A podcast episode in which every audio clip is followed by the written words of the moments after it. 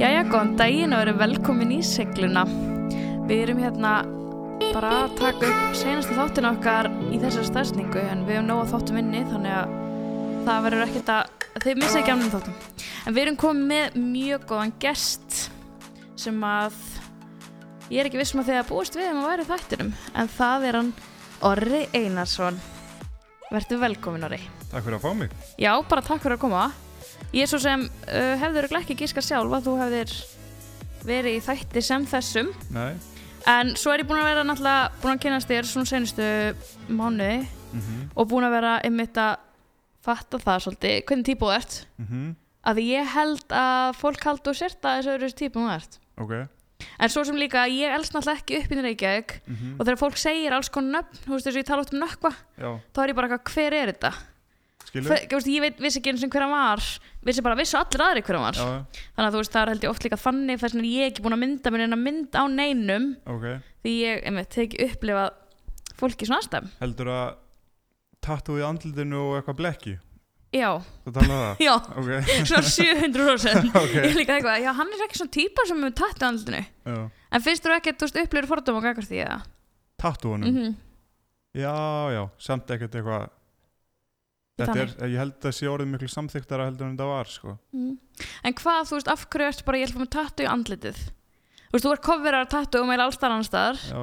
en hvað, þú veist, var ekkert svona off var tattu í andlitið Nei, raun og veru ekki, sko. Ég, samt ótrúlegt en satt, þá var, ég ætla kannski ekki að segja að hafi verið skynda ákvörðun, en það, þetta var samt svona pínu skynda ákvörðun. já, ég var samt alveg búinn að hugsa út í þetta mikið sko, en dagurinn sem að þetta gerðist þá var Kristján. Gilbert sem er hérna tattúa í sama húsi kom Já. til mín og sagði, heyrðu þau ekki að skellum ykkur andlitaður, því ég var ekki búinn að að tala um þetta við hann skilur, já, bara já, fuck it. Og kortir í setna var ég komið með í andlitið þannig að ok. En og þú getur þú veist, verið bara, getur ímyndar að fáið fleiri eða, veist, ekki andlitið. Nei, jú, kannski eitt viðbútt, þú veist, hinum meginn á móti en ekki Ok. eitthvað, ekki meira. Hvað sagði mamma einn? mamma var einhvern veginn, ég var sko mjög stressaður að sína þetta og bara ég er að tala um mjög sko, og hérna en samt hún bjóst einhvern veginn, nei brást einhvern veginn miklu betur við heldur en mér þorði að vona. Ok. pappi var eiginlega svona, þetta fór meiri töðunar á honum sem að ég held að eyrið akkur að döfugt sko. Já, en einmitt. það komi fleiri á komment frá honum heldur um mömmu sko. Ok, ég held að mamma sé svona nokkurn veginn búin að átta sig á því að hún er ekki að fara að breyta því hvernig ég er. Nei, að því þetta eru búin að vera nokkuð svona moment þú veist, fyrst þegar ég kom heim með tattu á handabækinu svo, mm svo puttunum svo andlitinu, þú veist, hún var bara eitthvað þú veist, það, Já. græðir ekkert á því að vera eitthvað að kommenta á það sko. nei, þetta er bara komið til að vera já, En hvað, þú veist, það sem að mér ást mjög áhugavert þegar ég fylgist mér á Instagram er að þú Mhm. ert mjög opinn með bara þína fortíð mm hafa farið í svona ef við fyrir bara frá okkur eins basic og tattum út í bara mjög djúpt Eh, þú ert mjög opinn með það er búin að fara í meðferð og, Mhm. og svona búin að taka þess til í þínu hotni og segir svona eitthvað eins frá Mhm. svona þeirri kannski fortíð svo gagvart því, þú veist, núna ertu bara lifir á allt öðru lífi. Mhm. þú veist bara að maður sér ykkur huglega hérna saman og maður er aldrei dott í hug að þú veist, þú ætti þessa sög einhvern veginn, Mhm. þú veist það er til að segja okkur hans frá svona þinni vegferð þú ger alveg grína þessu sjálfur. Já, klálega, þú veist ég veit ekki, það, það, fólk og margir sem ég þekki eru mjög lokaðir mm sem, sem að, þú veist, eiga svipaða fortíð eru mjög lokaðir með það. Og einhvern veginn einmitt já, þú veist, bara vilja ekkert að ræða það endilega við hvern sem er en ég einhvern veginn, ég veit það ekki bara einhvern veginn um leið og sem sagt, ég verði etru og svona fer að breyta lífinu mínu þá fannst mér einhvern veginn ég veit ekki, mér fannst bara einhvern veginn svo rosalega eðlilegt einhvern veginn að, byrja að segja frá þessu og, og svona ég veit ekki, þú veist, opna umræðu um þetta Mhm. og, og hérna að því að þó að það hafi verið miklar framfærir í því að, að hérna þá eru samt ennþá alveg hellingsfordómar fyrir þessu, eða kannski ekki fordómar en svona fólk áttar sér ekki alveg á því hvað er að vera með fíkni sjúkdóm Mhm. þú veist, við, þetta er bara sjúkdómur og hérna og ég veit ekki, ég var mjög fljótur einhvern veginn að ákveða það að þetta væri bara ekkert sem ég skammaðist mér fyrir sko, Mhm. og hérna og já, hef talað um þetta alveg svolítið í fjölmiðlum og, og hérna og víða sko og í rauninni bara, þú veist, sama það er ef einhver kemur upp að mér og spyr mér eitthvað út í þetta fólk er oft svona eitthvað, er þér sama þú, að, þú veist, vilt tala um þetta? Eitthvað svona, svolítið shaky ofta að spyrja um út í Mhm. þetta sko, en ég hef alltaf bara yfirlegt bara látið allt flakka sko, mm af því að já, þú veist, þetta er ekkert en mér líður ekki eins og þetta sé eitthvað sem að ég þurfa að skammast mín fyrir sko. Nei, alltaf sé, eða, þú veist, mér, ég upplýði þetta meira svona eitthvað afrögg, eða þú veist, þú gerðir eitthvað sem að, þú veist, er drep erfitt að gera, þú veist, er eitthvað sem að engin, þú veist, óskan einum að þurfa að gangi í gegnum og þessar tilfinningar að, að bara vera komin á einhvern stoppendi, að vera komin á einhvern þú veist, mér finnst þetta einmitt ekki vera eitthvað svona, að því er alltaf svona, hann fór í meðferð, mm og svona ég er að kvísla þetta, þú veist, bara svona, oh my god, hann var í meðferð, þú veist, Mhm. þessi einhver, þú það er bara að vera bara, geggja, hann fór í meðferð, skilja, hann var gegn að taka sér til, -hmm. þú veist, mér finnst svona svo mikil andstæði að við erum eitthvað svona skammast okkar fyrir þetta Mhm. í staðan fyrir að fagna að fólk gerir þetta í en hvernig upplifur, hvena varstu hvena kemur úr meðferð og uh, ég sem sagt, já, ég fer í meðferð eða sem sagt meðferðin sem að ég verði edru í núna Mhm. er 18. mars 2017 þannig að það já, ok, eitthvað uh, Tvö tvö ár, og einhverju mánir ég man ekki nákvæmlega og hérna já, ég veit ekki, ég bara einhvern veginn fannst mér nýbúin að vera inn á vogi og hérna, ég varst- var þar stutt áður og einhvern veginn, þú veist, bara reyna vera edru eitthvað og, og, það, og það gekk ekki og svo var ég komin hérna aftur stuttu setna og, og hérna, er búin að vera edru síðan sko. mm og hvað, hver heldur þessi munurinn á því? Og eins og ég segi við orðræðna við byrjum þættinum eða er eitthvað sem hann vil ekki tala um. Það var ekkert en þú bara segir til eða það er eitthvað ég fer of djúpt inn í eitthvað. En Mhm. hvað verður til þess að ná milli þess að tvekja meðferða? Að þú ákveður að þú veist,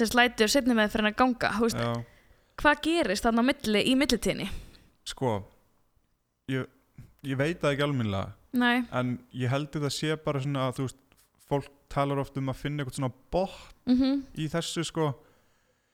Mér finnst það ekki endilega eiga við það því að þú veist, ég get alltaf farið og fundið eitthvað nýjan bótt uh, þú veist, ef ég myndi dettið það núna þá myndi ég eflust finna eitthvað annan bótt bara og ég get endalust verið að finna eitthvað bóttna en ég veit það ekki þú veist, í mínu tilviki þá einhvern veginn bara, þá bara gerðist eitthvað innra með mér sem að inn í meðferðinni sem að ég einhvern veginn, þú veist, get ekki almennilega líst en það kom bara eitthvað svona moment og, og hérna, og í tólsbara samtökunum sem ég er í mhm, aðsamtökunum, þá er þetta bara kall, kallu, kalla andleg vakning þú veist, það er bara svona það svolítið er þetta útskýrta fyrir ykkurum sem að kannski já, þú veist, þekkir þetta ekki en það basically það bara gerðist eitthvað innra með mér og, og ég svona tók bara ákvörðun uh, bara þú veist, nú ætlum ég bara bara breyta lífið mínu, skilur Mhm. og ég bara, þú veist, bara alltaf mikið tilfinningum sem að er að, að hérna er í gangi þegar maður er í meðferð og svona og já, það bara gerðist eitthvað og mér langaði bara raunverulega í fyrsta skipti einhvern veginn að breyta til og var svona orðin þreyttur á þessu hérna bröldi bara sem þetta Mhm. var og hérna já, ég bara svona einhvern veginn það var, gerðist eitthvað innra með mér sem að fekk mig til að taka þessa ákvörðum bara þú veist, ok, núna eða aldrei og bara gera mig það já ætlum að geta ekki sett þetta svolítið í svona samengi fyrir fólk sem að bara hefur kannski aldrei drukki, er ekki í kringur neitt sem að drekkur veist, bara Mhm. það, það þekki allir þetta í einhverju þú veist, bara sem er líkansrækt þú ákveður að byrja, alltaf eitthvað að vesnast svo bara gerist eitthvað og svo er bara hingað ekki lengra. Ekkert eitthvað endilega, þú veist bara ég er á botninum á lífinu mínu, af því það Já, eins og segir það, þú kemst alltaf lengra, Já, þú getur alltaf grafið dýbra og dýbra sko. þetta er bara, maður getur tengt þetta held ég bara út í allt bara Já, vinnur og samf úst, samfélagi sitt og fjölskyldu og allt þetta. Þannig ég held að sé veist, fyrir fólk sem tengir þetta ekki neitt, veist, þekkir ekki neitt sem er fyrir meðferða, er ekki neitt í kringum Mhm. þú veist, það geta allir tengt við þetta án þess að, upplifið þetta svona eitthvað svona, ég er í tólspóra dæmin, að fyrir suma því að þetta er náttúrulega mjög nálagt mér. Já, þá hérna, hef ég alltaf verið í kringum þetta tólspóra dæmi og fyrir mér er þetta svo eðlilegt en upplifir þú þetta einhvern veginn svona svolítið svona guðlegt eða þannig? Svona Uh, rosa mikið svona þetta andlega og svona var það meira bara svona fannst þér bara í lægi eða þú veist hvernig upplifir þú svona þessu tólsporin uh, ég, þú veist. Svo þungt að bomba já, sko. Trúur að guð. Já, nei sko bara þú veist í, í, í tólsparakerfi þá, þá hérna þau snúast bara alls ekki um trúabröð Mhm. bara þvert á móti í rauninni. Eða þetta snýst sko það er ég vil tala um bara trú á eitthvað aðra manni sjálfum veist þetta snýst svolítið mikið um að, að, svona, að leggja sitt ego til hliðar og svona, og svona og bara já, þú veist fara eftir leiðsögn eitthvað sem að er, er þú veist búin að gera þetta og búin að ganga vel og, og hérna þannig að þú veist bara trúar brögðir, þú veist ég trú, ég trú ekki endilega á okkur guð en, Mhm. en þú veist ég mitt bara trúi því að það sé eitthvað séð eitthvað æðra af mér, þú veist, ég Já. er ekki Órið Einarsson er ekki þú veist, fórstjóri heimsins Já, ég skil skilurðu, þig. þannig að, Mhm. já, bara svona eins og flestir kannski fólk okkar aldri, svona millennials eða þannig já. eru að upplega sér svolítið.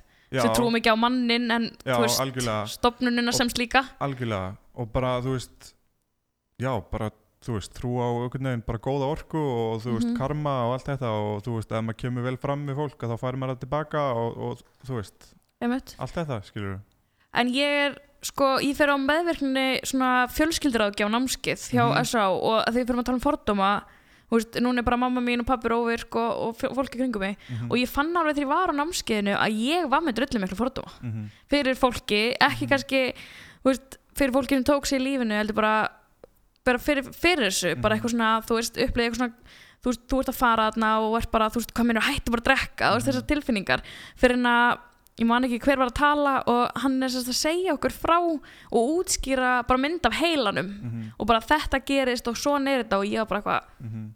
já ok, fuck ég er búin að vera með vill þess að fordóma hérna Já, ég sko, þú veist, ég þekki ekki læknisfræðilegu hliðin á þessu Mhm. nákvæmlega en ég veit einmitt það að þú veist að það er bara ákveðin hópur fólks, Mhm. bara alkoholistar að þegar þeir drekka eða nota fíknefni eða hvað sem er að þá gerist eitthvað í heilanum að þeim sem að gerist ekki öðrum já, sem að sem að þú veist eins og segi, ég man ekki nöfnin og allt Nei, á þessu, ekki en það heldur, er, sko. þú veist, það er bara sannað að, að, hérna, að, að þetta er bara sjúkdómur Já. skilur, og, mér finnst hún segja það svo vel í hérna Vá, hvað dáttum mér hérna myndinni hérna sem kom út hvað í fyrra hitt verið eitthvað já, hann að lofa mér að lifa, lofa mér að lof mér falla, að falla Já, já, það sem hún segir eitthvað svona var bara svona kláði inn í mér Já. sem að var svo klórað já, já. þegar hún byrjaði að nota fíknefni Já, og það, já, það eru margir, einmitt, þetta er góð setning og það eru margir sem að, þú veist, sem er að lýsa að þegar þeir byrjuðu að nota áfengi eða fíknefni í fyrsta skipti að þá, þá hafið þeim bara liðið þannig eins og þau væri actually bara að ná andanum Mhm. í, í fyrsta skipti og svona, þú veist,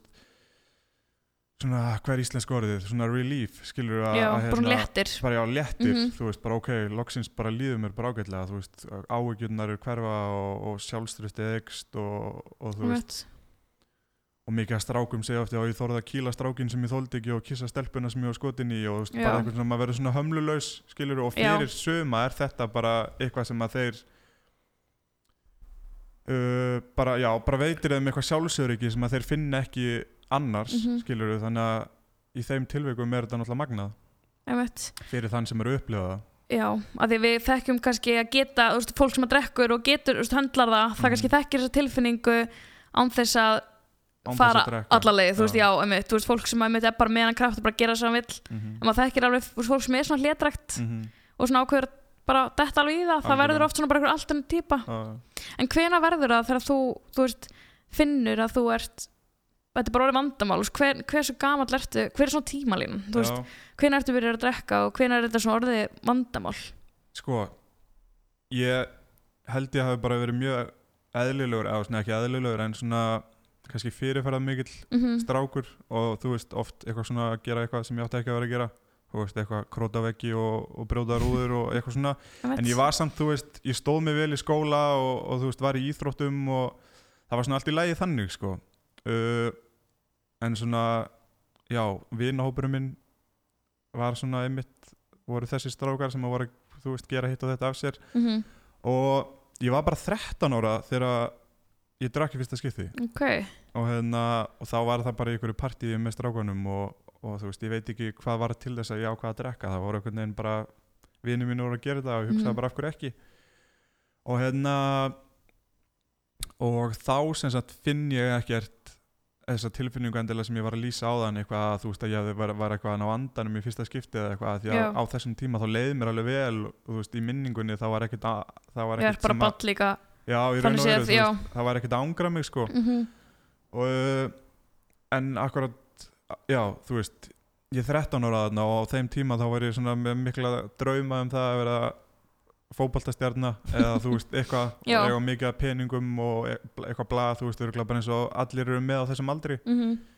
og hérna þannig að ég sem sagt ákveða að ég ætli, þú veist, þetta er ekki eitthvað sem að mér langar til að gera og líka, þú veist, einmitt bara mínir, báði fóraldra mínir eru óvirkir alkálistar og þetta er mjög svona mikið af fólki í kringum mig, sko. En einmitt pappi var mikið búinn að benda mér á að, að þú veist að ég var í þessum áhættu hóp sko. þekki þetta Já, þannig að ég ákveð bara þarna 13 ára, ok, þú veist, þetta er eitthvað, eitthvað leið sem ég vill ekki fara, þannig að ég bara drekka þannig eitthvað 2-3 skipti þetta sumar eða Já. eitthvað og hérna ég ætla bara einmitt að vera næst eðusmóri Íslands Mhm. og, og eitthvað og hérna en svo er það ekki fyrir en sko þú veist, þegar ég er að útskrifast úr grunnskóla og byrja í mentaskóla að ég veit ekki hvort að, að jú eflaust margir að, þú veist, já, alkoholistar tengi við þetta en þú veist, á, á þessum aldri þá er einhvern veginn svona óörglega bara margir aðrir að hérna að þá hérna fann ég svona í fyrsta skipti þú veist, þetta er bara maður er að þroskast og Mhm. verða stóra að manni fannst og, og hérna og þá svona í fyrsta skipti mitt fór ég að finna fyrir einhvern svona tilfinningum þú veist, hérna einhverju kvíða og og vera þunglindur e- ekki, þú veist, ég, var, ég er ekki að segja að ég hafi verið þunglindur á þessum tíma en Mhm. maður svona fram að þessu var bara þú veist, fór maður bara út í Einmitt. og lífið var bara skemmtilegt skilur og það voru aldrei, veist, það voru engin vandamál þannig séð Mhm. og hérna enni mitt bara maður byrja í framhaldsskóla og þú veist, og mikla breytingar og mikla breytingar að vera og- að krefjast alveg mikils af þér Já, mikla, já, einmitt það, miklar Mhm. væntingar fannst mér svona frá fjölskyldunum minni Já. og standa mig vel í fótbolta og standa mig vel í skólanum og svo í skólanum vildi maður vera, þú veist, í flottustu fötunum og vera Mhm. með flottustu stelpunni og einhvern veginn bara svona þessar pælingar og Algjörlega. hérna og einmitt krefjandi mjög gott orð, veist, á, þa þarna fannst mér í fyrsta skipti bara lífið ver- verða svona pínu krefjandi. Mhm. og hérna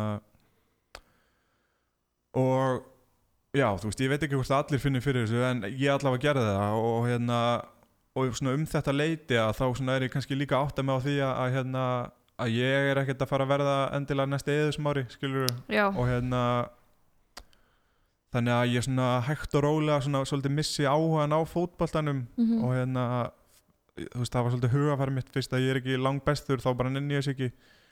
Og hérna já, alls konar svona pælingar og, og hérna ákveðs þess að mér minnir að það verið þegar við vorum að útskrifast á grunnskóla að hérna bara þú veist, fuck it, það er allir að drekka hérna, okkur bara byrjaði ekki bara að drekka aftur, skilur já, og hérna, og aftur þú veist, fann ég ekkert endilega þessa tilfinningu eitthvað, wow, þetta er bara er að berga lífið minn, skilur, þetta er bara Mhm. frábært og eitthvað, þetta var bara gaman og spennandi og svona þessum tíma og hérna, en samt, þú veist ég, ég drakk strax mjög illa og ég áttaði mig held ég strax af því að ég drakk meira en aðrir og svona svona drikkjan mín var öðruvísi einhvern veginn Mhm. og hérna en allt í góðu og hérna og svo bara, þú veist, líða þessi ár þarna eitthvað að fyrsta árið í framhaldsskóla og það er, já, á fyrsta mínu í framhaldsskóla þá sem sagt uh, kynist í kannabisefnum ok og, og hérna og daginn sem ég reyki kannabis í fyrsta skipti er bara svona dagur sem að ég man bara nákvæmlega þú veist, hva,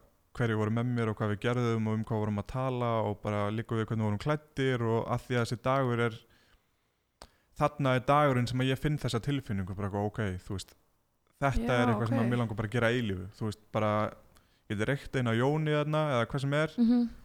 og ég get farið inn í eitthvað svona ástand þar sem að einmitt bara kvíði þú veist eitthvað sem heitir þunglindi og allar bara svona erfiða tilfinningar bara hverfa. Já, og þú veist matur er betri tónlist er skemmtilegri, vini mín eru fyndnari og þú veist einhvern veginn allt var bara betra. Mhm, og fyrir mig að uppgöta eitthvað svona á þessum aldri þá var ég bara wow ok, ég ætla bara, veist, ég ætla bara að gera þetta já, og hérna og þetta var bara ógæslega skemmtilegt og spennandi og svona til að byrja með og hérna og var það alveg svolítið tíma en svo náttúrulega bara ekst neistlan og hérna og mjög fljótlega einhvern veginn eftir ég tek þessa ákvörðun bara basically, ég tók bara ákvörðun ég ætla að vera hassaus, að þá svona fer ég að missa áhugan á öllu sem ég er að gera, skilur og hérna og ég er mjög fljótur, það er þetta ef maður skoðar, þú veist, bara einhvernirna mínar á skólanum bara fyrstu önnina er ég bara með, þú veist, 9 og 10 í öllu líku við og 100% mætingu og bara, já, allt upp á 10 og svo önnum með 2 að þá er ég reikjum í skólanum að því að ég bara hættur að mæta. Og þetta er bara bein aflegging Vá. af þessu. Já, er gerist hratt svona á stökkum hratt, tímaráma mjög hratt sko. Og hérna já, missi bara á hann á skólanum og, og fótboltanum og hætti fótbolta og, og hérna og hætti með stelpu sem ég var með á þessum tíma sem ég var búin að vera með síðan í grunnskóla og einhvern veginn, þú veist, bara þetta svolítið svona tók yfir lífið mitt Mhm. og hérna og fór bara að vinna og svona í einhverju vinnu sem að mér langaði ekkert að vera að vinna í bara til að eiga peninga fyrir fyrir Neyslunni, já. sko. uh, Og þannig ertu 17 ára þá já, 17 Já. ára og hérna, svo 17, 18 já, 17, eða ekki Mhm. og hérna uh, svo sem sagt bara þú veist, þróast þetta ekkert svona, jú, hratt en, en þú veist, þetta var bara í mitt Bara svona að það mátt áfram bara, það, Þetta er bara svona ganga Bara daglegt lífi svona orðið bara snýst í kringum þá neysluna já, en Mhm. þú veist, einhvern veginn þú veist, ég held alveg, þú veist, var alveg vinnu og svona, Ok. og, og hérna og náði svona að ég held að fela þetta nokkurn veginn fyrir flestum og, og hérna já, en svo bara hvað er ég, ég hef verið 18, 19 ára eða eitthvað þá sem sagt uh, kynnist ég annari stelpu og hún bara einhvern veginn svona setti svolítið fótinn niður og þú veist og bara sagði bara basically að þú veist ef við ætlum að vera saman að þá, þá gengur þetta ekki að þú setið ykkur svona ruggli og, og Ok. hérna og ég 18 eða 19 ára hérna, ástfangin ákvað bara að hlýða og hérna þannig að ég svona fer, tekur rauninni smá pásu frá þessu á þessum aldri?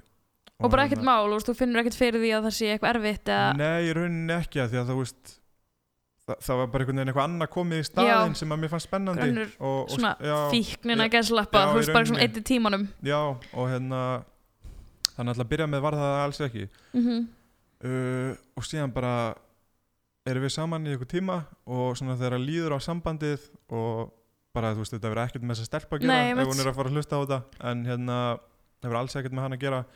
En þetta er bara fíknin í mér sem að Mhm. svolítið tekur yfir. Að þá svona fer ég að stelast til að, að hérna að fá mig með strákunum og eitthvað og, og hérna síðan alltaf bara enda með því að við hættum saman og, og þegar það gerist að þá einhvern veginn bara svona tekur þetta við aftur. Já, og hérna og um það leiti sem að það gerist að þá er svona fyrsta skipti síðan að neyslan hófst þannig einhverjum hvað var það, fjórum, fimm árum áður sem að svona hi- hitt raunverulega ógeð sem að fylgir neyslunni uh, fyrir að svona sína sig og þú veist og, og hérna þá er ég bara að tala um þú veist vinnu minn, æsku vinnu minn hérna tekur eigi líf og sem var bara bein aflegging af neyslu og, og hérna annar bara svona minn besti vinur og æsku var komin upp á litlarhaun og, og ég var alltaf Já. einu farin að skulda ógustlega mikið af peningum að því að það er dýrt að vera í neyslu og, og hérna og, og bara vanlíðaninn og, og hérna og kvíðinn og þunglindi og allt þetta dót sem að ég sem að ég var að hérna for, að, veist, sem ég var að nota til að forðast til að byrja með var bara orðið meira heldur en það var nokkuð tíma þegar ég byrjaði og, og svona já það var um þetta leiti sem þetta var bara orðið svona ok, þetta er bara þú veist þetta er bara hægt að vera gaman og spennandi skilur þetta er Mhm. bara einhvern veginn orðið nöðsinn og, og hérna ég er að nota og nota og nota bara til þess að reyna að láta mig líða aðeins betur og, og sem að það gerði alveg bara í svo stuttan tími senn. Og svo þú veist þegar að rann ammanni þá leið mann alltaf miklu verð skilur. Og hérna þarna svona í fyrsta skipti fer ég svolítið að átta mig á þessu hérna, að ég þurfu kannski eitthvað að fara að gera í mínum málum. En samt einhvern veginn reyndi ég ótal aðrar leiðir til þess að láta mér bara líða vel að því að þú veist raunverulega innstinni var það eina sem ég langaði var bara til að líða vel og bara sem öllum langar þú veist að langar öllum bara að líða Mhm. vel og hérna og ég var einhvern veginn svona, já, að reyna bara á, ótal mismöndi leiðir til þess að láta mig líða vel og þú veist, prófa mismöndi sálfræðinga og þunglindislif og, og hérna geðlækna og svona alls konar, þú veist, vera duglegur í rektinni Já. og fara mikið í ljós og bara alls konar svona pælingar eitthvað, þú en veist, þú ert alveg að vinna svona í þessu sem allir segja sér gott já. andli og líkamlega hliðinni ég, en ert samt ekki að ná að þá neða því ég var í svo mikill nýstlu já, varst með, með í því já. og ég bara einhvern veginn, þú veist ég, ég, ég tengdi það í raun og var alveg saman þú veist, bara aukin neysla og Mhm. þá bara aukin vanlegaðan en mér, mér langaði einhvern veginn ekki að sjá það og mér langaði einhvern veginn svona svolítið að plástra það bara með einhverju öðru, skilur, að því mér langaði að vera í neyslu, að því að það var einhvern veginn það eina sem að leta mér líða vel og hérna og, og ég er ekki að segja, þú veist svona þunglindislif og geðlagnar og sálfræðingar og, og bara allt þetta sem ég nefndi þú veist, Mhm. þetta er bara hérna, bara frábært og, og hérna, og bara virkar bara 100% og hérna og sálfræðingar og geðlagnar hafa gert mjög mikið fyrir mig sko, en þetta Já. bara á þessum tímapunkti var þetta ekki það sem að mig vantaði þú veist, að það sem að ég þurfti að gera var bara að verða edru og, og breyta lífuminu sko Mhm. Og hérna og já, svona og svolítið út frá þessu að þessum aldri þá svona fyrst fer ég að reyna að vera edru almennilega. Og hérna ég hafði reyndar verið edru í eitthvað ég man ekki tíu mánuð eitthvað þegar ég var 17 ára. En þá var ég ekki að gera á eigin forsendum sko uh, þá veist að gera það fyrir já, bara fólki í kringum einhvern veginn og hérna, en samt sem segir okkur það að þegar ég var 17 ára þá voru greinlega allir í kringum mig búin að átta sig á því að það væri eitthvað og þú helst þú var mjög góður að fela þetta já, Já, já. akkurat sko. En hérna, ég mundaði bara þegar ég fór að tala um það. Já, en hérna já, svona þarna fer ég raunverulega þú veist, að pæli bara ok, hvernig, þú veist, hvað ég að gera skilur, ég get ekki farið að lifa svona endalaust. Mhm, og hérna og byrjaði mitt að eitthvað svona hoppin á aðfundi og, og hérna eitthvað svona skoða þetta eins en Ok. svo er það ekki fyrir en já, ég er 21 eða tvek, ég man það ekki nákvæmlega sem ég fer í meðferð í fyrsta skipti. Hvað ertu gaball? ég er 25 núna. Já, ok, já, búið að gerast þú veist af því að þér eflaust eflaust þessu 17 ára sé, langt síðan. Já, en samt búið að stegmagnast og verða þú veist, af því að hvað ertu búin að etru í tvö ár? Já þannig að þetta varð svona mikið á stuttum tíma og náttúrulega, Já, Ekki- alveg töluverður pásu þarna já. í, í þannig að flestir er ekkert að koma sér úr þessu svona hratt, þú veist, í þetta og úr þessu. Nei, nei, klálega sko. Ég er bara Ég er bara hérna Ég veit ekki, þú veist, bara þakkláttur og, Mhm. og ég veit ekki hvort sé heppin eða hvað er að ég ná, þú veist, náðu þessu ekki það að maður er ekkert búin að ná þessu ég geti dottið í það um helgina skilur mm en það er samt eitthvað sem hefur unnið með mér í þessu þannig Já. að fyrir það er ég þakkláttur og ég held að að mörguleiti að þá sé það svona að mín nánasta fjölskylda var einhvern veginn búin að fara þessa leið og einmitt það hefði kannski verið allt annað mál ef að ég hefði átt foreldra sem að vera með fordóma fyrir þessu skilurðu. en í staðin þá bara pappi til dæmis pappi búin að vera edru í 20 og eitthvað ár og er í stjórn hjá S.A.A. og, Mhm. og þekkir þetta bara út og inn og, og hérna og hann var aldrei eitthvað svona að böggast í mér. Það er líka bara vitu staðrænd ef einhver segir þér, þú mátt ekki gera eitthvað þá viltu gera Það það svona þúsundum það skiptir engum máli þú ert fertur sko. ef einhver er bara eitthvað ekki gera þetta þá já, fokka þú þér. Ég ger bara sem ég vil. Þannig að ég held að, að, hérna, að það hafi hjálpað mjög mikið að hann svolítið vissi hvernig hann átti að takast á þetta. Og hann einmitt sagði bara alltaf þú veist, þú bara þú veist bara, þú veist, fullorðið maður og þú bara Mhm. gerir það sem þú vilt, skilur og hérna en þú veist, ég vil ekki taka þátt í lífinu þínu og meðan það er svona og bara þegar það er langað til að breyta þá bara heyrir í mér og ég skal vera fyrsti maður til að hjálpa þér. Og hérna sem á hann gerði, skilur þegar að, hérna, þegar að því kom að, að hérna, að fara aft, í meðferðina þannig að þá bara kom hann að náði mig og skuttlaði mér í meðferð og bara Já. gangið vel, sko og hefur séðan staðið með mér bara alla góttu síðan, sko. Mm og hérna, þannig að það held ég að sé mjög dýrmætt í mínu tilviki. Það er ekkert endilega allir með þetta bakland. Nei, hérna já. En það er líka því að þarna setur hann því mörg mm þú veist hann er náttúrulega ekki að bjóða þér að lifa lífinu eins og með sig Mhm. inn í því -hmm. en er samt ekki bara skiljað eftir akkurat, með þetta til að fatta út af þessu sjálfur. Algjörlega. En nú, þú veist það er svo mikil umræða að kannabisefni séu í lagi og þetta sé ekki Mhm. mm hættulegt og allir tala um. Mm -hmm. ertu þá bara á þessum tíma að nota kannabisefni? Ef ég maður spyrja þessari ferða eitthvað, já, nei, nei, nei, bara, nei, nei, já okay. bara, nei, nei, allt bara sem ég boði þetta byrjaði svona, þú veist, einmitt bara sem hérna kannabisnisla, svo bættust inn í þetta alls konar örfandi efni, Ok. þú veist, bara amfetamin og kokain og e-pillur og MDMA og hvað þetta allt heitir. Mm og, og svo róandi setna meir sem er líka óa mikið hérna, svolítið svona kannski já, í tísku já, ef það má segja það. Ég hef sagt þetta ári í fjölmjölum og ég var ekkert sérstaklega vinsæll fyrir þessa skoðun en þetta er það samt. Mm já, ég meina það er ekkert, þú veist þetta er bara, þetta, ég veit ekki hvort ég, sko, ég er alveg fárlega battalega að því leiti að ég einhvern veginn sé þetta ekki. Veist, ég bara einmitt, veit ekki að þessu sé þetta ekki ekki, svo ekki einhver ör? Og ég bara eitthvað, þú veist, ég tala svona hratt alltaf mhm, þannig að ég ger engan greinamun á því hver er ör og hver er ekki. Nei, og hef aldrei prófað neinn fíknefni eða neitt þannig og, og ég veit, sko það var um daginn, þá var ég bara að fatta ég Mhm, hversu margir raunverulega eru að þessu mhm, bara að fá bókstala að vera fólk með tattu andlinu að vera fólk eins og ég. Mhm. Þú veist, það er engin það er engin stiksmunur að það milli finnst mér hvernig manneski Nei, að þetta var held í svolítið svona tímubili svona þetta er fólki sem gerir þetta, þetta er fólk sem gerir þetta ekki. Akkurat. En þú veist, við getum verið eins óvinnsal og fólk vil meina en það er alveg vita að þetta er tísku. Já, upp á vissi leiti, þú veist þess vegna er líka svo magnað að koma til dæmis bara eins og inn á vog að því að þú sér Mhm. bara alls konar fólk veist það er bara, það er einmitt eins og segir það er bara allir skalinn, sko, fólk Mhm. með tátu í andlitinu og, og ég kynntist manni í meðferð sem er lögfræðingur og, Já, og, bara svona alls bara, konar. alls konar bara fólk, hjúgrunafræðingar og bara, þú veist, Mhm. að því þú veist fíkn spyr ekkert um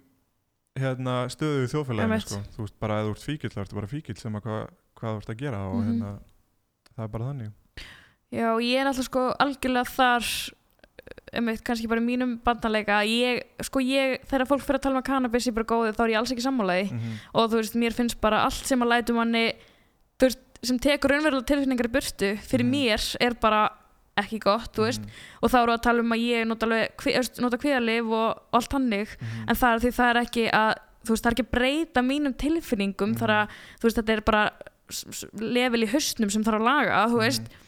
en hvernig upplýð þú að því og segir núna að byrjar neysluna hennar með kannabisefnum Mhm. þegar fólk talar um að þetta sé svo skadalust Mhm. þú veist, ertu sammúlaði heldur að þú hefðir geta verið bara alltaf, þú veist, ef þú getur farið bara næsta en það hot, keftir Mhm. kannabisefni heldur hefði verið bara svona eðlilegra að meira á yfirborðið eða það er fólk er svo rosalega með sterkar skoðanir á þessu sko Já, sko ég er ótrúlega sagt ekkert með sérstaklega sterkar skoðan á þessu en mér finnst samt eins og með cannabis að, að hérna, þú veist, að, það er bara þessi hérna gullna, gullna regla þú veist, bara allt er gott í hófi ég, Mhm. eða gott, fattur þú hvað ég meina? Og mér finnst persónlega að, að þú eigir alveg eins að geta keftir cannabis eins og geta keftir áfengi. Já, að því að ég ég held að, að hérna, þú veist, einhver sem að fæ sig kannski bara eina jónu einu sinni í mánuði eða eitthvað, hann verður ekkert fyrir einhverjum skada af því. Mm en hérna en einmitt svo er bara hægt að misnota allt og hérna já. og þú veist þannig að eins og þetta er bara svo með allt áfengi búðir og já, þú veist, áfengi og kannabis þetta er náttúrulega mjög sterkar skoðanir á báða já, báða bóa þannig sko. Mínu tilveikið þá var ég náttúrulega bara í svaðalega mikill í kannabisnislu og Mhm. það endaði ekki vel og þú veist bara í dagnislu og það er bara sama ef ég hef verið í dagnislu á áfengi þú veist það er bara það, getur, það, er, það er aldrei neitt gott að fara að koma út úr dagnislu á einhvern svona efnum sko. Mhm. en er þetta ekki um, hvernig get ég orðað þetta þú veist, af því að þetta er, þetta er hann undir, þú veist, þetta er ekki á yfirborðinu Mhm. Telur ef við myndum taka cannabis Mhm. sölu upp á, úst, nú er ég að tala við eins og þú veist eitthvað sérfræðingur um þetta Mhm. en einmitt, að ég hef náttúrulega bara, ég hef enga reynsla af þessu Mhm. þú veist, segjum að við tökum kannabisef- kannabisefni upp á yfirborðið þú þetta er bara í sjoppum eða þú veist, veist áfengi Mhm. búðum, þetta er bara svo ríki þú veist, selta ríkinu sem það, heldur Mhm. þetta er þið meira svona, einmitt allt í lagi að gera þetta um helgar eða heldur þetta er þá bara, þá er þetta bara fáralega mikið neysla á einhverju öðru efni eða þú veist, sko, kannski engin svörnand á mér sko, ég bara, eins og þú varst að tala um áðan þú veist einhvern veginn allt sem að veist, ef eitthvað segir mann að maður eigi ekki Mhm. að gera eitthvað þá langar mann til að gera það og, þú veist og cannabis er ólöglegt þá náttúrulega er það kannski meira spennandi fyrir vikið já En ég veit ekki, þú veist, ef þetta er þau löglegt, ég veit ekki hvort það er þau svona, þetta er þau ykkur, fólk væri í ykkur upplýstari, upp, hvað sem er? þú myndir meira vita hver er í gangi og svona, Já. þú veist, þú ferð ekkert einmitt, það er búið að taka þetta bannaða, veist, effekt af þessu líka Já, algjörlega, ég veit það ekki, þetta er, veist, þetta er sjúkla flóki, sko að það verði ykkur gáðari menn en ég ákvað hvort þetta sé löglegt eða ekki. En, líka bara þegar einhver sem segir einn rauk með þessu þá er alveg já, já, já, Já. svo segir einhver á móti þessu, já, já, er alveg Já, þú veist að þetta er alveg auðvitað ég held að ef áfengi að koma marka í dag þá væri það ekki leift Akkurat, veist, það er alveg sam- skrítið að okkur finnist í lægi að vera þú veist, að mörgum finnst í lægi að vera döða draunir um helgar Ég er alveg sammála Þú því veist. og, og ég segi ofta að mér finnist áfengi vera vesta fíknefni af þessu öllu, sko, mm því að, og segi, ég, ég hef aldrei prófað fíknefni en ég, drekka áfengi þú veist, eins og mamma alltaf er svo ákona alltaf, mm já, það er nú, það er nú fíknefni bara, ég held að, -hmm. já, já, já Já, en þú veist, eins og ég segi, bara ef að einhverjum langar að nota áfengi eða fíknefni og gerir það bara eins og, þú veist, bara eins og eðlileg manneskja mm Mhm. -hmm. eða rægt að segja það þá er það bara allt í lagi mín vegna, sko. Veist, og ég sé ekkit að, þú veist skipti með einhver máli eða mitt hvort það sé cannabis eða áfengi, sko. Þú setur það ekkert á einhvern svona herri stall bara svona, þú veist, I made it, þú veist. Nei, nei, alls ekki. Að því maður svona þú veist, upplifur ekki að fólk sé eitthvað svona að vinnin sé eitthvað svona ekki að ringja í orra af því að þú veist, hann er ekki verið að drekka hann er bara að dæma sem við erum að gera. Uh, Alls ekki, sko. Nei, ég held ég bara einhvern veginn mjög heppin með vinahóp sko. Mhm. ég á í raun og verið svona tvo vinahópa sko. annar þeirra er bara nökkvi og eigill og, og þessi strákar í vinnunni og hérna og þeir einhvern veginn hafa verið mjög svona stutt mig mikið í þessu Já. og já, bara staðið mjög mikið með mér og einhvern veginn þú veist, ég var náttúrulega byrjaðar að vinna með þeim þegar þetta var allt í gangi og, og hérna og þú veist og þu- þurfti að fara í meðferð og eitthvað meðan Mhm. við vorum bara að vinna saman og svona og það var bara já, bara, þú veist, bara gangið þið vel og við tökum bara vel á móti þér og já, þeir hafa einhvern veginn alltaf staðið mjög vel með mér og náttúrulega nökkur drekkur ekki sko Já, hvernig kemur inn í það kombo? Því þú ert náttúrulega smá svona Já, ég og nökkur og þess að æskuðinir vorum saman í fót, Já, fótbolta ok. í, í hérna fjölni og Já, kynnist honum ok. þar og svo kynnist ég agli og, og öllu þessu liði gegnum hann sko mm að því að já, nökkvi náttúrulega fyrir Vestló þegar ég, þegar, þegar ég fyrir Borg og þá missum við svolítið sambandið. Já, en sem pikkuðu það aftur upp. Bara já, þegar ég er í neyslu sko, ég veit ekki alveg hérna, hvernig það aðtökaðist en Mhm. ég, mér minnir að ég hérna, sendt á hann bara eitthvað hei, þú veist, við vorum alltaf saman þegar við vorum yngri, við ekki að fara að gera Mhm. eitthvað saman. Og svo bara út frá því erum við bara besti vinnir í dag og vinnum saman og einmitt gerum margt saman. Mm En svo á ég mitt annan vinahóp sem er svona hérna strákarnir úr grái sem að sem að hérna bara voru með mér í nýstlu og Já. hérna allt það og, og margir af þeim eru edru í dag sko og hérna þannig að einhvern veginn svona allir í kringum mig eru bara annarkvort að gera það sama og ég þú veist að reyna að vera edru eða bara stiða mig sko Mhm.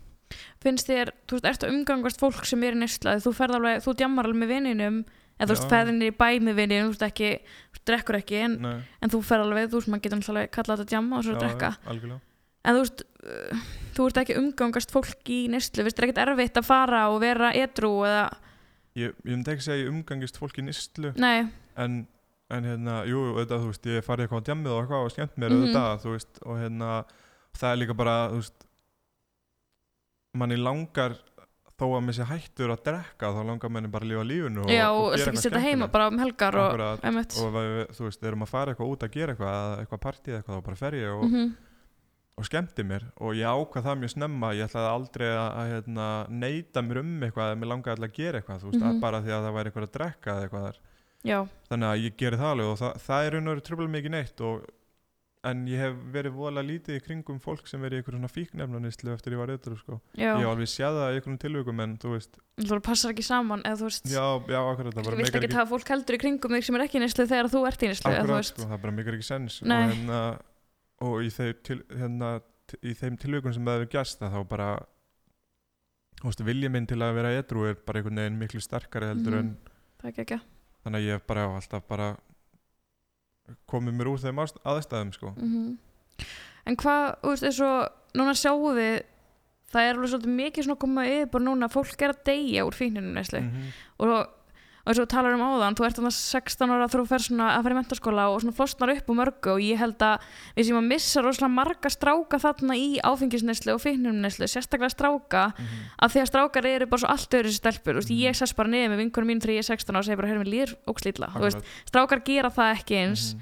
og ég heldur sem að missa einmitt, þeir eru áttur á því, þeir eru ekki að fara landslið Mhm. þeim gengur kannski ekkert óslega vel í skólanum mikið af kröfum og þú ert bara settur hann í eitthvað sæti og sittur bara þarna Mhm. Þú veist, ég heldur sem að missa svo rosalega marga stráka Mhm. þegar við þurfum ekki að vera að missa á, á þessum tímbúndi þú ert 16 ára, þú ert bara bann þú veist, þú hefur ekkert að gera við það að vera þú veist, að gera þetta en þú bara, þetta er eina leiðin til að passa inn í eitthvað mót þú veist, þá bara verð ég bara í þessum vinahóp sem er að gera þetta Mhm. og við sjáum alveg núna veist, að fólk er einmitt að deyja úr veist, ég meina Mhm. ég hann að uh, ef maður like, like á Facebook síðan hann að já bara eitt líf. Mhm. og þú veist, við, maður sé bara líka við annarkveð dag, bara Mhm. minningagreinar. Voru svakalega mikið já, og þetta er bara eitthvað met fjöldi á þessu Mhm. árið eitthvað. En hvernig er, þú veist ertu búin að missa marga sem þú þekkir, bara, Uh, ekki marga kannski sem eru nánir mér. Nei. Það er bara eitt svona mjög náinn sem bara, þú veist, einn minn besti vinur. Uh, en ég, þú veist, ég þekki og kannast við alveg bara einmitt bara hauga fólki, sko. Mm og hérna, það er alltaf bara fáralegt hvað þetta er mikið. Já. Og þetta er að- einmitt bara eins og þú segir, þú veist, maður er bara eitthvað að skrolla niður Facebook og, Mhm. og hérna og mér er svona sorglegast maður er orðin smá svona ónægjumur fyrir þessu Segir maður ekki? Eh, akkurat, þetta er orðið einhvern veginn svona bara pínu eð, mm Mhm. veist, maður kippir sér ekkert upp eða það skilur af því að þetta er bara einhvern veginn, já, ónæmi fyrir þessu. En þú varst að segja með, með stráka já, á þessum aldri að hérna, þú veist, þetta er einmitt held ég sko, nú aftur kann ég ekki einhverja tölur og fræði og eitthvað svona, en ég hef séð bara sjálfsmórstíðinni hjá strákum á þessum aldri, Já. þú veist, bara eitthvað 16 til 30 eða eitthvað, er bara skuggaleg. Mhm, þú veist, það er bara styrlað að sjá það. Og það er einmitt bara því út af það sem hún segir, þú veist, strákar á þessum aldri sem eiga að vera töffarar já, þú veist, eiga að vera svona klættir eða þú veist, hvað sem er vera í fótbolta, þú veist, eitthvað þeir einhvern veginn þeir vilja ekki gefa högg á sér Nei. í, í neinu sem þeir eru að gera og, og hérna og þú veist og, all, allt svona eins og ég var að tala um aðan þú veist, allt í einu að vera á þessum aldri og vera að finna fyrir kvíða eða félagsfælni eða þunglindi eða bara, þú veist, Mhm. hvað sem það er hvað sem það er sem er að ángra hérna þessa stráka og angraði mig að hérna, þetta þetta verður svo held ég bara skömmustulegt einhvern veginn Mhm. og, og hérna og menn byrja þetta inn í sér og náttúrulega stelpur líka en, en mikið strákar Mhm. og því að þeir eiga að vera svona macho og þú veist og, og hérna og, og þú veist það er ekki töff að að, hérna að illa. Nei, það fattur hvað er að fara. Já, og hérna þú veist og svona ón í það þú veist einmitt eins og í mínu tilviki þú veist að bara koma upp ykkur alls konar svona tilfinningar og eitthvað og Mhm. svo bara byrja ég að nota fíknefni og ég losna við þær og, og hérna og svo bara að því að ég losnaði við þær út af, út af hérna að að fíknefni letur mig líða vel að þá fór ég bara að nota mikið af fíknefnum mhm. Og mann Og- alltaf þegar maður er 16 ára þá ertu bara með svona skamtíðum sín. Já, þú sérði ekki eitthvað en eftir tvö ár þá er mér að fara að líða fokking illa. Þú veist, þú bara, þú sérð bara daginn í dag. Veist, og það er ekki það allir sem eru bara þessum aldri. Allt bara mikilvæg sem er að gera í dag. Akkurat. Þannig að ég held að, að hérna, eða held ekkert, þú veist, það er bara stór hættulegt einhvern veginn að vera strákur á þessum aldri og þóri ekki að tjá sig um hérna, bara tilfinningar sínar Mhm. sama hva, hvort að þær tengist eitthvað fíknefnum eða, eða veist, hvað sem er sko. Mhm. þú veist að hérna að ég þekki alveg að eigin raun að byrgi eitthvað svona inni með sér Mhm. í hérna, þú veist, þetta oft bara byrjar þetta sem bara eitthvað smá og svo bara, þú veist, verður þetta bara þú veist, snjóbalta áhrif og þetta bara stækkar og stækkar og stækkar og, Mhm. Og líka þegar maður er um eitt 15, 16, 17 ára, þú ert ekki þú ert ekki með réttu verkfærin til að geta sagt nei. Mhm, þú veist, þegar einhver er bara, þetta er geggjað maður líður ógíslega vel að þessu, gerum þetta. Mhm, þá ert þú bara, já, ok, gerum þetta. Þú veist, það er mjög, þú þarf að vera mjög sterkur karakter stímanlega að vera að hamri í mér þegar ég var 16 ára, bara, ætla ekki að að drekka þetta svo mikið, mhm, estanlega verið ekki að byrja að drekka.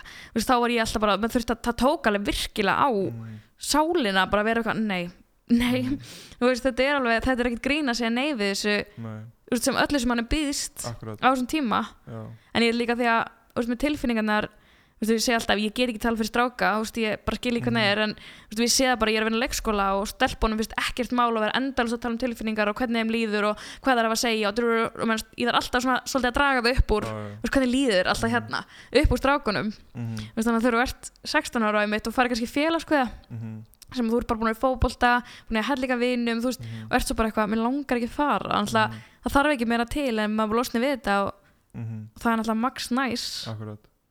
Þetta Já. er flókið, sko. Það er svolítið munur og stelpum og strákum í þessu Mhm. náttúrulega held ég. Og þú veist svona almennt stelpur einmitt hittast og ræða tilfinningar sínar fram og tilbaka og einmitt einhvern veginn ek ekkert mál.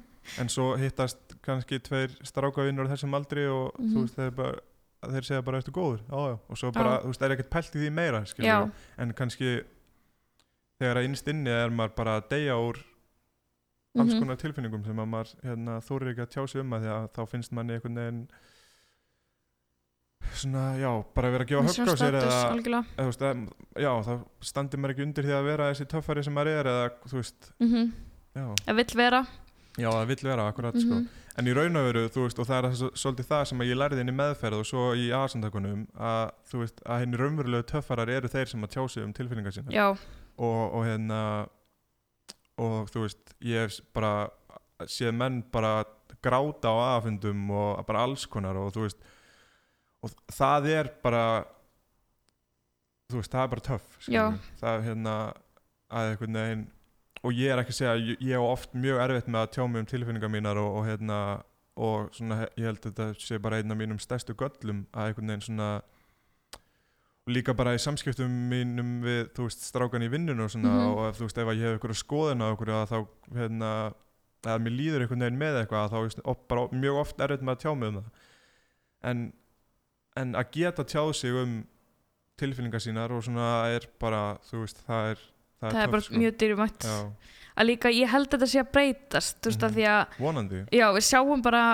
sko bróðið minni þremur vingrinni mm og ég fæ henni pröfu þáttina fyrir þegar ég var að æfa mig fyrir útvarpið. Já, ég man ég var hérna. Já, Já. þú þetta Já, og ég var í smöglu sjokki að því að þú veist það er náttúrulega ekki mikið aldursmur okkur mhm, en við byrjum eitthvað svona að tala bara um eitthvað þú veist ég var bara að að heyri sjálfur mér. Mhm, og svo fyrir við eitthvað að tala um tilfinningar og ég var bara að byrja, ert þú með tilfinningar? Og Já. var bara, þú veist það var bara smá svona what, að því þú veist, einmitt alltaf, ertu góður, já, já, já, já, já, þú veist þá var ég bara svona já, ok, þeir eru bara þú veist, þeir eru bara fáralegt, sko. Já, og einmitt þetta er svo mikilvægt, þú veist, allir samtök þú veist, allir gráta og allt þetta. Mhm, að strákum finnst bara eðlilegt að segja það sem finnst og Mhm. líka að vera stelpa í sambandi. Þú átt ekki alltaf að þeir vera bara, segðu mér hvað þið líður. Mhm, segðu mér, segðu mér, geðu mér eitthvað skilur, þú veist, maður hefur alveg verið þarna státt vini sem er strákar og bara er augljóslega eitthvað, neða ekki það, mhm, þú veist, að því að þetta er svo rosalega eitra og getur farið í svo marga, þú veist, einmitt farið í og bara óhamingju og allt þetta, við erum bara að sjá þetta einmitt, hvað er ekki þú veist, sjálfsmórstíðinni kallmann á Íslandi sem- mesta sem drepur menn, eða þú veist, þetta er bara þetta er, hæðista eins og ég rennur þetta, já. Já, þetta er náttúrulega mjög sorglegt. ég held það og þetta er alveg bara skuggulegt sko. Og skuggalegt hvað þetta fer bæði, þetta er ennþá greinlega mjög falið af því að Mhm. maður, sér, maður veit aldrei af þessu nema maður þekki til mhm, eða eins og Facebook, maður er að skrolla fram hjá þessu og þú veist, þetta er valla Mhm. hægt að koma mann, þetta er svo mikið einmitt þessi vinnu minn hana, sem að tóka í líf þetta, veist, þetta var bara svona nákvæmlega hjá honum eins og við erum að tala um Mhm. mm þú veist að hérna, hann bara byrjar í neyslu og hættir í íþróttum og eitthvað svona og, og hérna var ekkert endilega þú veist, eitthvað verri neyslu en hver annar. Já, og maður sá einhvern veginn alltaf að það var eitthvað að skilur þú veist að hann var ekki einhvern veginn þessi sami strákur hann að verið og bara eins og þú segir, maður sér oft bara að það er eitthvað að. Mm en svo kannski bara hittir maður hann og maður spyr bara, þú veist, ertu góður? Og hann bara, já, já, bara allt er góðu. Og, og hérna, og svo bara gerist þetta skilur Já. og óvænt en samt ekki óvænt. Ekki það maður býst aldrei við að þetta gerist. Já, en hérna en einmitt, þá er hann bara greinlega búin að vera að byrja eitthvað inni með sér bara í ég veit ekki, mörg ári eða eitthvað Mhm. sem að hann bara meikaði ekki að tjá sig um eða svo ofan í það kemur þessi fíknefnanisla sem hann náttúrulega bara ítir undir bara hérna alla þessa geðsjúkdóma skilur Mhm. þú veist hérna, algjörlega. Þannig að já, þú veist.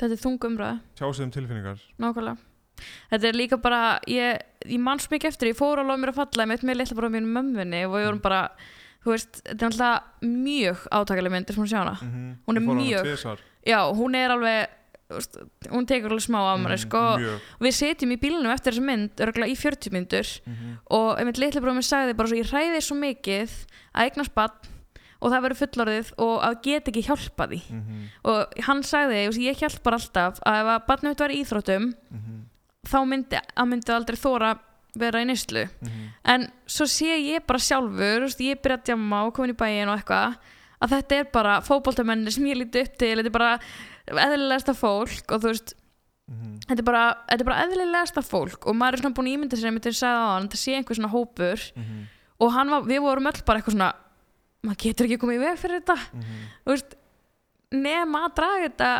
upp, að þú gerir og gerir bara, lít, ekki lítur létt, mhm, létt af þessu, þú veist, það geta fel þetta og skammast þín ekkert fyrir þetta. Mhm, en það er ekkert að skammast þín fyrir. Nei, þetta getur gerst eins og bara hverjum manneski að fara sjúkdóm. Akkurat. Og líka bara, þú veist ég er bara komin að segja, búin að gera upp fortíðina mína og Mhm. sættast við hana veginn, þú veist. Það bara að fór eins og bara- fór og, og ég er einmitt bara gjörbreyttur maður í dag og þú veist, betri manneski fyrir vikið, þú veist, verður sko. ekki, það sem ert í dag ef að Þetta 100% ekki gerst, sko, einmitt. bara 100% og þú veist, þetta er bara já, hvað maður að segja, þú veist þetta er bara allt sem er ekki sýnilegt kvíði, þunglindi, félagskvíði þú veist, fíkn, þetta er ekki sýnilegt á manni Mhm. oft í tíðum allavega Mhm. og þá er allir bara að þetta er ekki satt Sérstaklega ekki kannski þessum aldri þegar þetta er svona að byrja sko. og þú ert líka bara þarna ema bara í besta formi lífsins sem maður lítur bara, maður er alltaf bara ungur þú veist, það er ekkert sem hefur dreigja af manni já, þú veist, það er mjög erfitt að vera bara eitthvað svona já þessi er í já. En Það þetta er svo víða. Oft kannski hægt að sjá þetta utan á fólki þegar það er orðið einmitt Mhm. eldra sko. Eins og þú segir á okkar aldri þú veist, fólk er bara í fínu formi og, og, hérna, og lítur bara vel út og að- þú veist, þannig að maður kannski, þú veist, þetta er einmitt bara gerist á, hérna, getur verið á hverjum sem er sko. mm og þess vegna er svo mikilvægt að, að þeir sem er sískinni eða börn eða hvað sem er að gera ekki lítið og vinir þú veist að, að vera í alvörinu bara hvernig hefur það mm því þú veist það er alveg hægt að spurja hvernig hefur það á tven, tvennskona vegu, veist, er að segja hvernig hefur það og inni er þetta að segja mér er alveg sama og þú gerir alveg grein fyrir því, þá ertu bara, æ, bara fín, ég bara þreytt þessum lítið snýll út -hmm. eða verðt að segja hvernig hefur það veist, og það er kannski fínt bara að enda á því veist, að, að heyra í fólkinu sem það hefur áhyggjur af og Mhm. senda skilabóða að ringja eða þú veist Mhm. ekki ef að þú þekki bann og það fyrir að gráta ekki að hægt að gráta, strák gráta ekki Mhm. eða hægt að gráta þetta er ekki neitt algjörlega bara já, 100% og það er bara samt, þú veist, að versta í þessu er er rauninu bara það að þú veist að maður getur einhvern veginn, maður er oft svo hjálparlaus Mhm. og eins og bara foreldra mínir í mínu tilveki voru í rauninni bara hjálparlausir gagvart mér að því að sama hvað þau sögðu og, og hérna og, og þú veist, einmitt mamma var mjög duglega að heyri mér og reyna að fá Já. út í mér hvernig mér liða og svona en bara því að, þú veist ég meikaði ekki að tala um það þá bara gerði ég það ekki, sama hvað sem mikið hún spurði. En hérna en einmitt, þú veist, ég held eins og ég var að tala um aðan með pappa og mömmu og hvernig þau tækluðu þetta, það, það hérna flýtti fyrir því að bara ok, þú veist, Mhm. nú ger ég eitthvað. Vera til staðar. Vera til staðar, þú veist, það er eina sem maður getur gert og Mhm. hérna og svo er það bara undir hverjum einum komið hvort að hann hérna þykki það, hjálpina já, sko þannig að já, Mhm.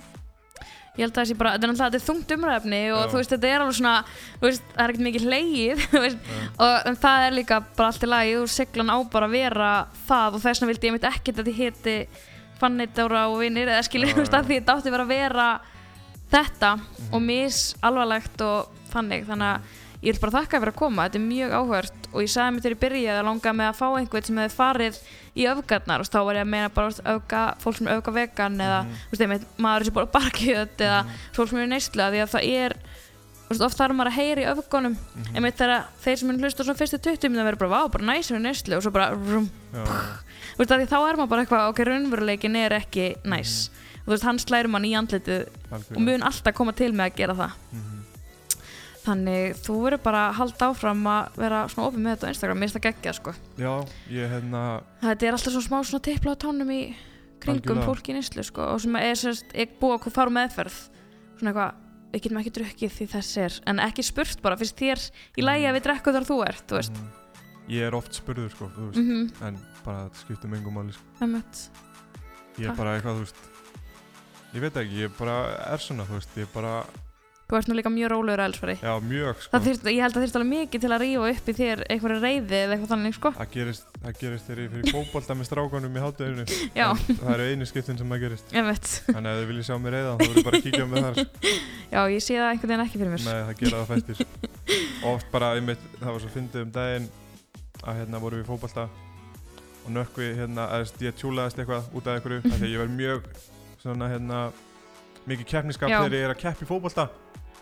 Og hérna, og nökkvi sagði bara wow, djúlega, þú veist, gott að sjá það svona reyðan bara, ég bara, þú veist, sá að þú ert bara á lífi, skilur þannig að og ég sé nökkum mikið fyrir mig við erum svona, bá, bara geggjað geggjað að sjá Já, þig. að því að máli var sko, ég kom eitthvað inn í klefa og var eitthvað að byggja strákuna afsökunar eða eitthvað því ég var þú veist, hafi sagt eitthvað ljótt eða eitthvað og nökkum bara þarf ekki að byggja neitt afsökunar, við erum bara fegnir að bara hafi, þú veist blóðið selt þarna, renni. sko. Það er það er mjög gott Já. takk fyrir að koma og til að fylgjast með þér á Instagram svo ég segi nú frá því Já, þó það er bara orðið einars Mhm. en það ekki mhm, ég mæli með því að því að það er alveg mjög svona friskandi að sjá einhvern sem að er bara þú veist, þetta er ég og mér er drull hvað ég veist mhm. Þannig ég bara sé ykkur næsta sunnudag. Við erum inn á podcast-appinu ef þið eru með Samsung síma þá getið þið náði podcast-appi inn á bara, hvað heitir þetta, Play Store? App Store, Play Það Store ekki, ég veit það ekki, ég er ekki með Samsung síma. Við heyrumst. Takk fyrir mig